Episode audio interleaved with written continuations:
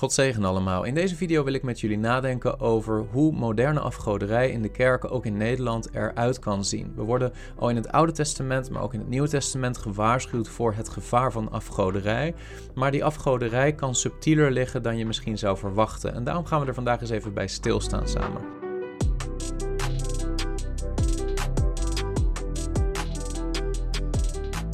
Als we kijken naar het Oude Testament, dan worden we in de tien geboden al meteen aan het begin gewaarschuwd tegen afgoderij. De Heer heeft gesproken tot het volk Israël in Exodus hoofdstuk 20, vers 1 tot 5.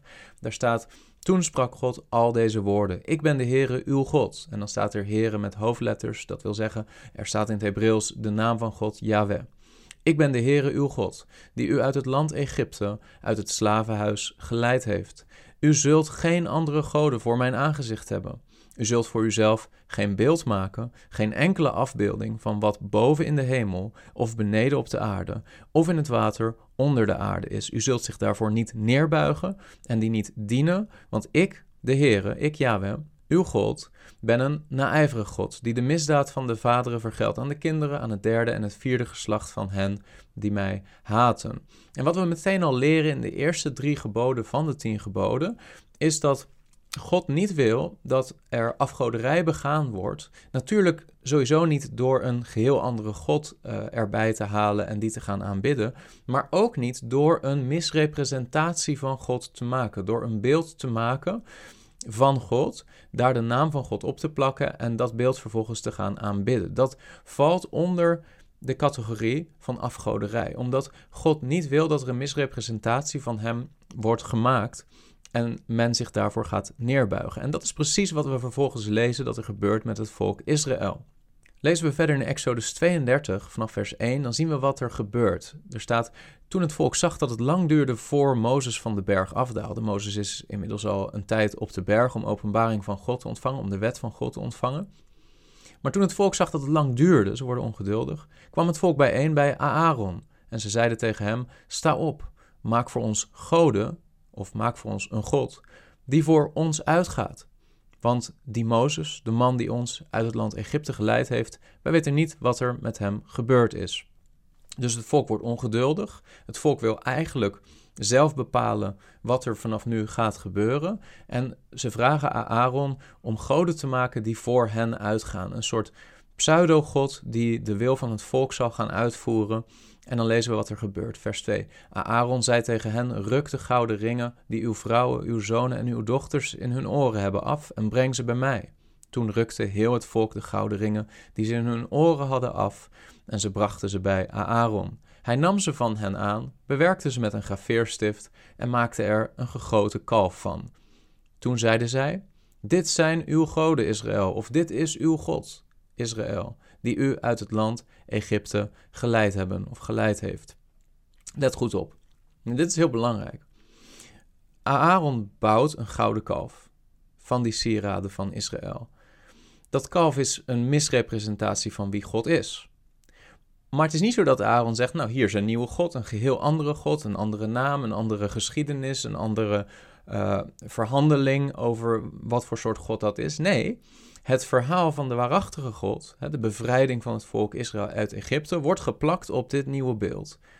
Sterker nog, lezen we verder in vers 5, toen Aaron dat zag, bouwde hij er een altaar voor en Aaron kondigde aan, morgen is er een feest voor Yahweh, een feest voor de Heer, er wordt de naam van God genoemd. Dus er wordt hier gesuggereerd dat dat gouden kalf is Yahweh. De afgoderij zit hem er niet in dat er een geheel nieuwe God wordt gemaakt. Nee, het is een misrepresentatie van de waarachtige God van Israël. Met zelfs de naam, de waarachtige naam van de God van Israël daarop geplakt. dan lezen we verder vers 6. Zij stonden de volgende dag vroeg op, brachten brandoffers en brachten ook dankoffers. Het volk ging daarna zitten om te eten en te drinken. Vervolgens stonden zij op om uitbundig feest te vieren. Dus er wordt een enorme aanbiddingsdienst hier gehouden. Mensen brengen offers, mensen zijn toegewijd, er is passie. Maar voor een verkeerde representatie van God, een misrepresentatie van God. Dan lezen we vers 7. Toen sprak de Heer tot Mozes: Ga, daal af, want uw volk dat u uit het land Egypte hebt geleid, heeft verderfelijk gehandeld. Ze zijn al snel afgeweken van de weg die ik hun geboden had. Ze hebben voor zichzelf een gegoten kalf gemaakt. Ze buigen zich ervoor neer, ze offeren eraan en ze zeggen: Dit is uw God, of dit zijn uw goden, Israël, die u uit het land Egypte geleid hebben. Dus het is heel belangrijk om dit te zien. Dit gaat niet om een geheel nieuwe God. Het, gaat, het is veel subtieler dan dat. Israël wordt eigenlijk hier verteld en vertelt zichzelf dat dat kalf, dat dat de waarachtige God is die hen heeft geleid uit Egypte, die hen op dit moment leidt in de woestijn. Maar ze zijn niet bereid om te wachten tot Mozes terugkomt en op dit moment gedreven door hun eigen verlangen naar autonomie, gedreven door hun eigen zondige begeerte, gedreven door hun eigen controlebehoeften, maken ze een beeld een misrepresentatie van de waarachtige God, maar ze plakken wel op dat beeld de waarachtige naam van God en een deel van het waarachtige verhaal van God. Het evangelie zou je kunnen zeggen. Het goede nieuws dat Israël uit Egypte bevrijd is, hun evangelie of een deel daarvan. Ook in 1 Koning hoofdstuk 12 vinden we een soortgelijk incident. Daar lezen we vanaf vers 27. Als dit volk optrekt om offers te brengen in het huis van de Heer in Jeruzalem, de waarachtige tempel van Yahweh, zal het hart van dit volk terugkeren naar hun heer, naar Rehabeam, de koning van Juda. Dan zullen zij mij doden en terugkeren naar Rehabeam, de koning van Juda. Daarom pleegde de koning overleg en maakte twee gouden kalveren. Hij zei tegen het volk: Het is te veel voor u om op te trekken naar Jeruzalem. Zie, uw goden Israël, die u uit het land Egypte hebben doen optrekken. En hij plaatste het ene in Bethel en het andere zette hij in Daan. Dit staat natuurlijk bekend als de zonde van Jerobeam, die een soort concurrentie aangaat met koning Rehabeam. En hij maakt hier afgodsbeelden, twee gouden kalveren, een beetje vergelijkbaar met wat we net lazen in Exodus. Maar ook dan zegt hij niet: hey, hier zijn twee nieuwe goden of hier is een nieuw soort aanbiddingssysteem. Nee, hij plakt daar opnieuw gewoon het verhaal van God op. En dan staat er in 1 Koning 28: Zie uw goden Israël die u uit het land Egypte hebben doen optrekken. Dit is uw God. Dit kalf is uw God. Dit is de God die jullie heeft bevrijd uit Egypte.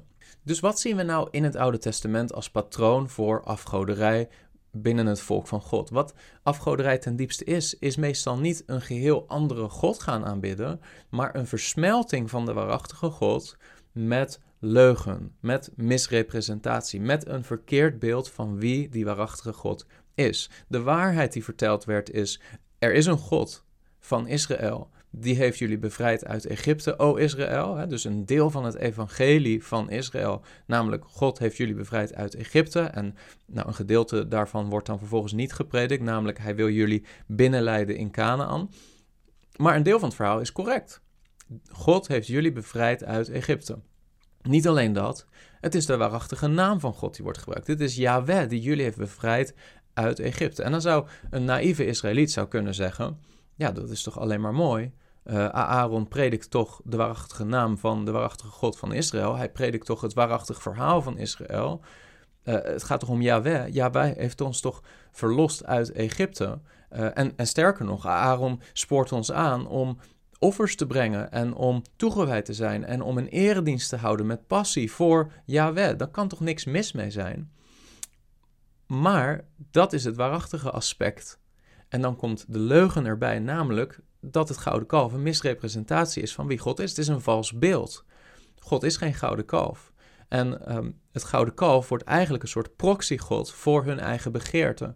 Waarom doen mensen dit? Waarom maken mensen een afgodsbeeld en gaan vervolgens wel alle waarachtige elementen van God daarop plakken?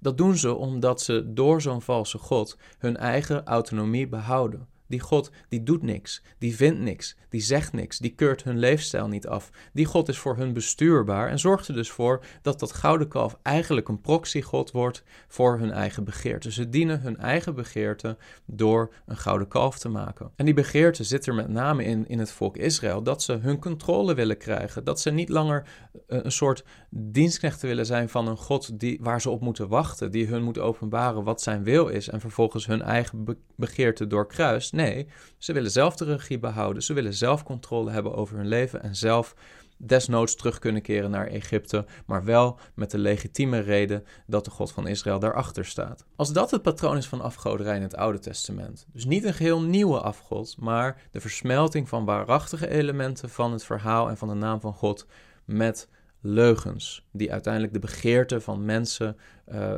belichamen. Als dat zo is, dan denk ik dat het logisch is om te verwachten dat dat ook in het Nieuwe Testament het patroon zou zijn van hoe afgoderij in de kerk binnen kan komen.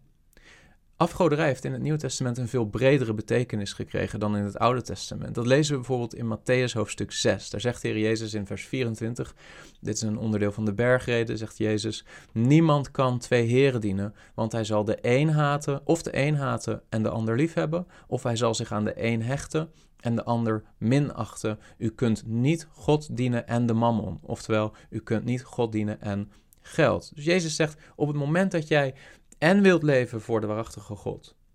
En tegelijkertijd ook in je hebzucht wilt blijven leven, je eigen begeerte wilt blijven dienen, dan zijn die twee dingen niet combineerbaar. En je kunt je voorstellen dat dit precies de sluwe denkstijl is die wij dan vervolgens hebben als zondige mensen.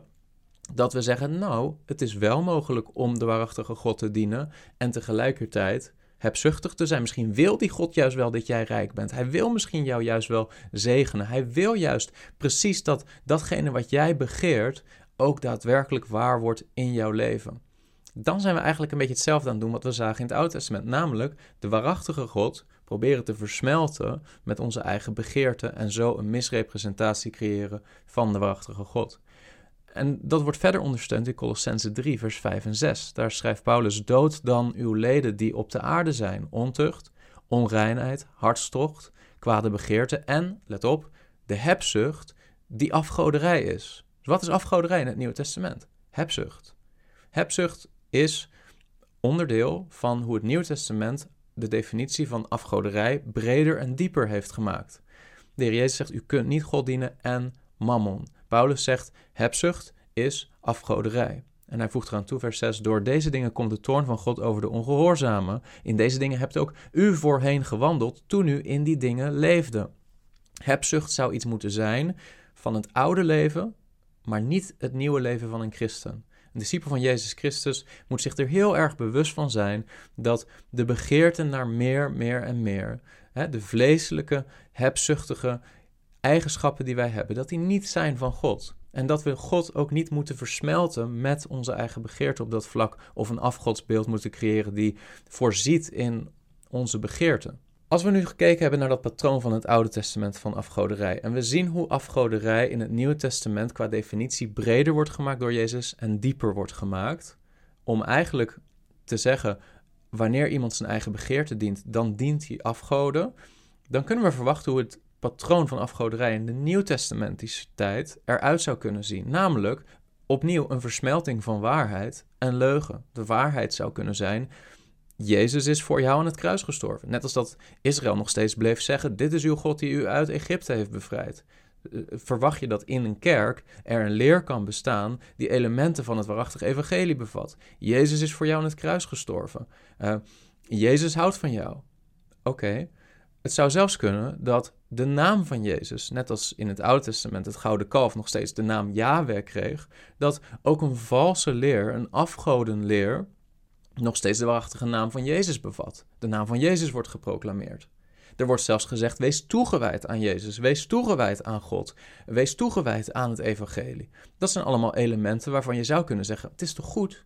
Het is toch goed? De, de, de, de, Israëlieten zouden net zo goed hebben kunnen zeggen tegen Aaron: Het is goed. Want je hebt het over Yahweh, de waarachtige God van Israël. Je hebt het over het verhaal van onze bevrijding uit Egypte, waar God leidend in is geweest. Hoe kan het nou mis zijn dat wij dit gouden kalf aanbidden als we ook al die goede dingen blijven benadrukken? Wees toegewijd aan Yahweh, wees toegewijd aan het gouden kalf. Maar de leugen is: er zit een misrepresentatie van God in. Dat is het probleem. En dat kan net zo goed in het evangelie kruipen. Dat we nog steeds prediken, Jezus is gestorven aan het kruis. We hebben het nog steeds over de naam van Jezus. We zeggen nog steeds, wees toegewijd aan Jezus. Maar tegelijkertijd komt er een leugen bij, een misrepresentatie van wie hij is en wat hij wil. Die eigenlijk een soort proxy-God wordt voor onze begeerten. Want Jezus, hij wil je zegenen. Jezus, hij wil je rijk maken. Jezus, hij zal nooit toelaten dat je zult lijden.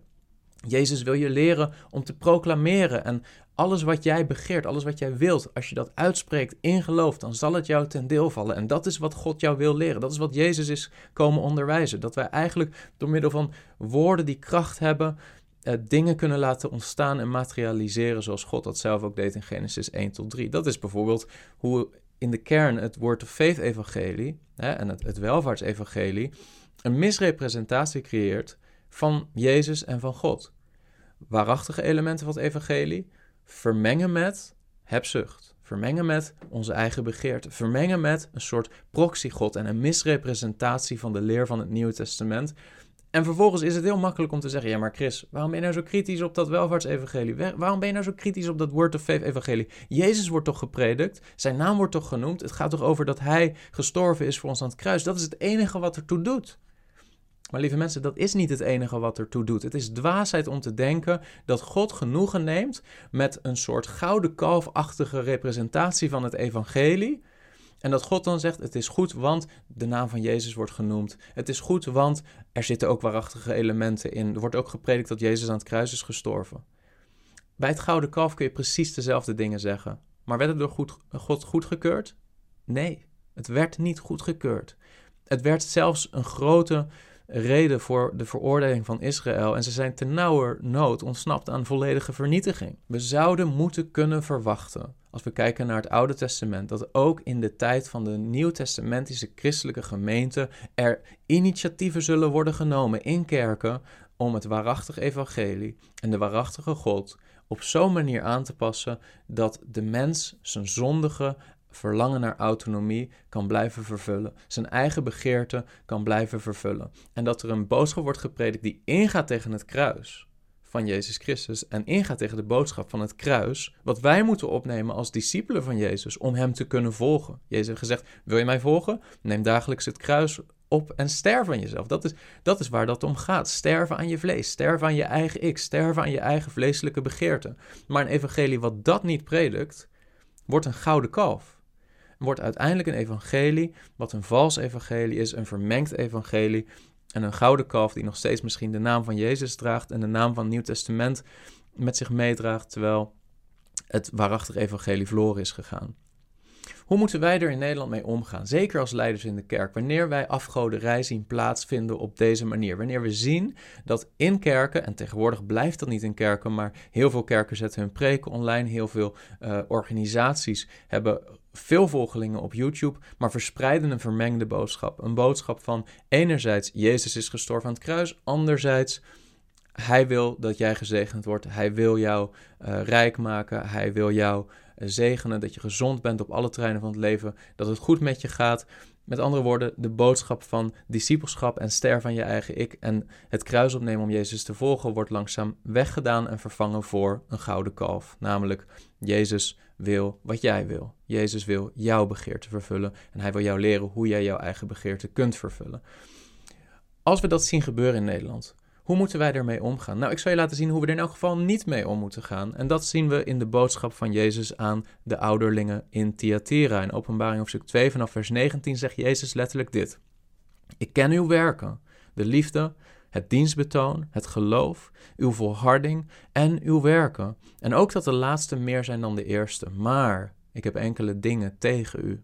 Dat u de vrouw Izebel, die van zichzelf zegt dat zij een profetes is, ongemoeid haar gang laat gaan, om te onderwijzen en mijn dienstknechten te misleiden, zodat zij hoererij bedrijven en afgodenoffers eten. Wat neemt de Heer Jezus de ouderling in Thyatira kwalijk? Hij neemt hen kwalijk dat ze passief zijn, dat ze toekijken hoe een, een valse lerares de dienstknechten van Jezus Christus verkeerd onderwijs geeft en hen leert om afgoden te dienen.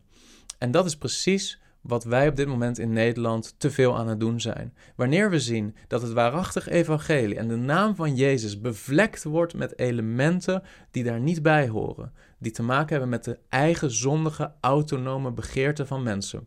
Wanneer die worden vermengd tot een misrepresentatie van het evangelie en vervolgens over YouTube verspreid wordt En wanneer dan waarachtige dienstknechten van God, mensen die staan voor het ware evangelie, mensen die de berg opgaan, mensen die, zoals Mozes, Gods woord bestuderen, Gods openbaring bestuderen en tot de conclusie komen: dit klopt niet, dit is niet het waarachtig evangelie. Dit, de accenten die gelegd worden zijn niet de juiste accenten. Er wordt een misrepresentatie gecreëerd van wie Jezus is. Als die dienstknechten vervolgens zwijgen en niets doen, dan zijn deze woorden van Jezus van toepassing. Ik heb tegen u dat u deze valse leer ongemoeid haar gang laat gaan. Dat u deze valse leraren ongemoeid hun gang laat gaan en zij mijn dienstknechten verleiden tot afgoderij.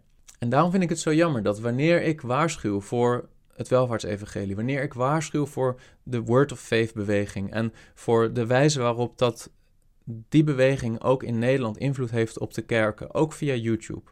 Dan vind ik het jammer om te horen dat er zoveel christenen zijn die naar mij toe komen en zeggen: Ach, je moet niet oordelen, je moet niet oordelen. Jezus zal jou ook oordelen als je anderen oordeelt. Je mag niet andere mensen beschuldigen. Laten we eenheid nastreven in het lichaam van Christus. Met alle respect, maar wie heeft de eenheid verstoord in Openbaring hoofdstuk 2, vers 19 en 20? Is dat, zijn dat de ouderlingen van de gemeente, die eigenlijk hadden moeten spreken tegen de vrouw Isabel? Of is het de valse leer? Is het de vrouw Isabel die een valse leer verspreidt en daarmee de eenheid in het lichaam van Christus verstoort met een afgoderij, met een afgodsbeeld, met een verkeerde representatie van wie God is? Ik denk dat de eenheid in het lichaam van Christus wordt verstoord door dwaalleer en dwaalleraren. En dat wij dat niet gaan oplossen door daar stil over te zijn, door die mensen ongemoeid hun gang te laten gaan, maar dat we ons moeten uitspreken en dat we daarmee ontsnappen aan het oordeel van Jezus. Want Jezus neemt het de ouderling in Thyatira kwalijk niet dat ze te veel hebben gezegd tegen die dwaalleer van Isabel, maar dat ze te weinig hebben gezegd dat ze haar ongemoeid haar gang hebben laten gaan. Dat heeft Jezus tegen hen. En het kan best zijn dat dat de beschuldiging ook van Jezus is vandaag de dag aan kerkleiders in Nederland. Jullie hebben dwaalleraren ongemoeid hun gang laten gaan en ze hebben mijn dienstknechten verleid tot afgoderij. Ik hoop dat je hierover nadenkt. Ik hoop dat dit iets is wat je meeneemt in de wijze waarop je leiding geeft aan je lokale gemeente, in de wijze waarop je opstaat, ook op internet vandaag de dag, en aangeeft dat dwaalleer en afgodendienst niet iets is waar discipelen van Jezus Christus zich aan schuldig zouden moeten maken. Hun, hun kleed niet moeten laten bevlekken door afgodendienst aan een misrepresentatie van God, maar zich moeten inzetten om een correct godsbeeld te hebben, conform de hele schrift conform de openbaring van God, zoals gegeven door de 66 boeken van de Bijbel. En die God moeten dienen met toewijding. Niet een vermengde God, niet een valse God, niet een God die half waarachtig is en half een pseudo-God die jouw eigen begeerte vervult. Nee, de waarachtige God. Dat is de enige God die daadwerkelijk kan redden en die daadwerkelijk de kracht geeft in jouw leven om zonde te overwinnen en een heilig leven te leiden tot eer en glorie van zijn naam. God zegen. Ik hoop dat je iets hebt gehad aan deze video. Als dat zo is, druk dan op like, dan zullen meer mensen deze video zien. En wil je vaker dit soort apologetische video's zien, abonneer je dan op dit kanaal.